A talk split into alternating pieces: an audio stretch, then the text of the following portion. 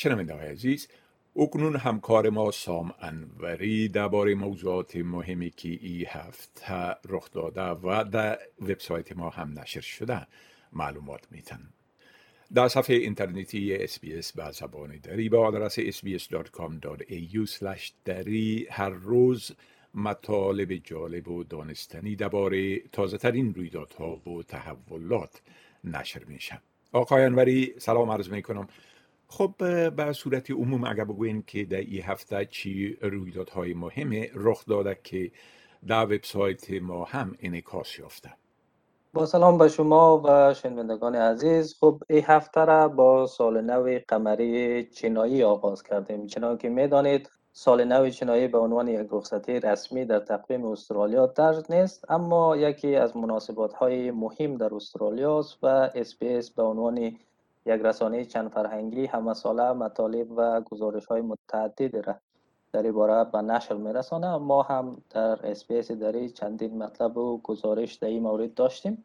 در عرصه سیاسی نشر نظرسنجی تازه نیوزپول را داشتیم که نشان می‌داد حمایت مردمی از ائتلاف به نخست وزیر اسکات موریسون به میزان قابل توجهی کاهش یافته و حزب کارگر با فاصله زیاد از این حزب یا ائتلاف پیشی گرفته است.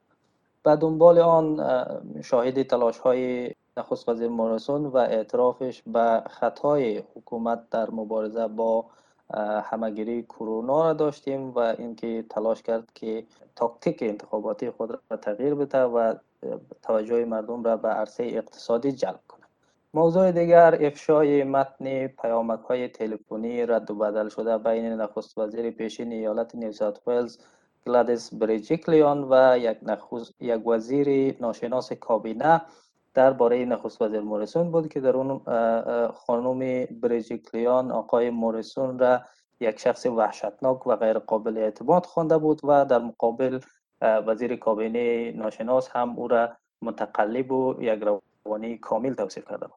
شورای شهر هوبارد پایتخت ایالت تاسمانیا در اول هفته تلاش کرد حکومت فدرال را برای آزاد کردن پناهندگان و پناهجویان بازداشتی در داخل خاک استرالیا تحت فشار قرار بده و در همین راستا پیشنهاد را به تصویب رساند که در او از حکومت فدرال خواسته شده بود پناهجویان بازداشتی در پارک هتل ملبورن را آزاد و در شهر هوبارد اسکان بده.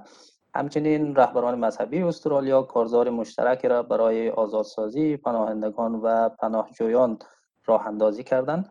باز هم در زمینه مهاجرت مرکز حقوقی حقوق بشر یافته های یک بررسی یا سروی تازه را به نشر رساندن که نشان می‌داد اکثریت قاطع مردم استرالیا از ارائه فرصت اقامت دایم و مهاجرانی که چندین سال در این کشور کار و زندگی کردهاند حمایت می‌کنند. گزارش های دیگری در موضوعات مختلف از جمله از سقوط میزان فراغت از سنف دوازدهم در استرالیا و پایین ترین سطح آن در طول چندین سال بازداشت یک مرد به اتهام قتل یک زن 19 ساله در غرب سیدنی ضرورت و اهمیت واکسیناسیون تقویتی و تازه های بازار مسکن استرالیا داشتیم که شنوندگان عزیز می‌تونن اونها را در وبسایت ما دنبال کنند بله خب درباره نظرسنجی در مورد محبوبیت احزاب عمده استرالیا صحبت کردیم. اگر لطفا در این باره یک مقدار توضیحات بتین بله همانطور که قبلا اشاره شد در حالی که فقط چند ماه دیگر به انتخابات فدرال استرالیا باقی مانده تازه ترین نظرسنجی حاکی از کاهش محبوبیت ائتلاف برهبری اسکات موریسون و پیشتازی حزب کارگر است. مطابق نتایج این نظرسنجی که توسط نیوز پول انجام شده میزان حمایت از ائتلاف برهبری آقای موریسون از 47 درصد در نظرسنجی قبلی به 44 درصد سقوط کرده. در حالی که حمایت مردمی از حزب کارگر از 53 درصد به 56 درصد افزایش یافته. این پایین ترین میزان حمایت از ائتلاف از ماه سپتامبر 2018 بدین سو است. در این نظرسنجی که برای روزنامه استرالیان انجام شده حزب کارگر توانسته آرای ابتدایی خود را با به دست آوردن سه امتیاز به 41 درصد برساند در حالی که ائتلاف با از دست دادن دو امتیاز به 34 درصد سقوط کرده. فراتر از این میزان رضایت از نخست وزیر اسکات موریسون با افت 11 درصدی به 19 درصد رسیده در حالی که میزان رضایت از رهبر حزب کارگر انتونی البنیزی از رقم منفی به صفر رسیده.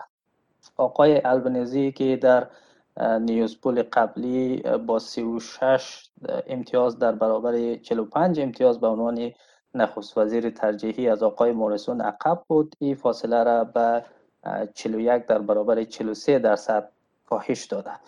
همچنین برای نخستین بار در این نظرسنجی درصد بیشتری از رای دهندگان یعنی 33 درصد گفتند که از نظر آنها حزب کارگر در موقعیت بهتری برای خارج کردن استرالیا از همگیری کووید 19 قرار دارد. اما 32 درصد رای دهندگان هنوز ائتلاف را در موقعیت بهتری قرار دادند بله خب همچنان از بررسی نتایج بررسی گفتین که در او اکثر مردم استرالیا از ایتای اقامت دائمی برای دارندگان ویزاهای موقت حمایت کرده اگر لطفا در این باره یک مقدار توضیحات بتین بله باز هم همانطوری که اشاره شد یافته های یک بررسی یا سروی تازه که از 1095 نفر استرالیایی به سفارش مرکز حقوقی حقوق بشر یا Human Rights Law Center انجام شده. نشان میده که 78 درصد پاسخ دهندگان معتقدند کسانی که با ویزه های موقت در استرالیا کار و زندگی می‌کنند باید ثبات داشته باشند تا بتوانند برای زندگی خود برنامه ریزی کنند. این بررسی که در ماه دسامبر انجام شده. نشان میده که 58 درصد پاسخ دهندگان باور دارند که مهاجران به پر کردن کمبود مهارت در وظایف خاص کمک می‌کنند و 33 درصد معتقد هستند که مهاجران در شغل های کم درآمدی مشغول به کار هستند که استرالیایی ها مایل به انجام اون کارها نیستند. از میان پاسخ دهندگان 54 درصد گفتند که مهاجران تنوع فرهنگی را به استرالیا میارند و 24 درصد هم گفتند که اونها اثر جمعیت سالخورده استرالیا را بر بازار کار خونسا می‌کنند. 79 درصد پاسخ دهندگان با این نظر ابراز موافقت کردند که اگر مهاجران مشغول زندگی و کار در استرالیا بودند باید مسیری به دریافت اقامت دایم برای آنها وجود داشته باشد. بیش از نصف پاسخ دهندگان یعنی 55 درصد با این نظر موافق بودند که مهاجران باید قادر باشند اینجا برای آینده خود برنامه ریزی کنند. فرقی نمی‌کنه که چی ویزه در دست داشته باشند. این در حال است که سال گذشته یافته های یک گزارش مرکز کارگران مهاجر نشان دادند که رابطه مستحکمی بین بهرهکشی در محل کار و ویزه موقت وجود دارد و استدلال کرد که گزینه های بیشتری برای کسب اقامت دایم باید در اختیاری مهاجران قرار داده شوند بله خب بسیار تشکر آقای انوری. از این معلوماتتان و فعلا شما را به خدا می سپارم. روز خوش و آخر هفته خوش برتان آرزو می کنم. تشکر از شما. خدا نگهدار.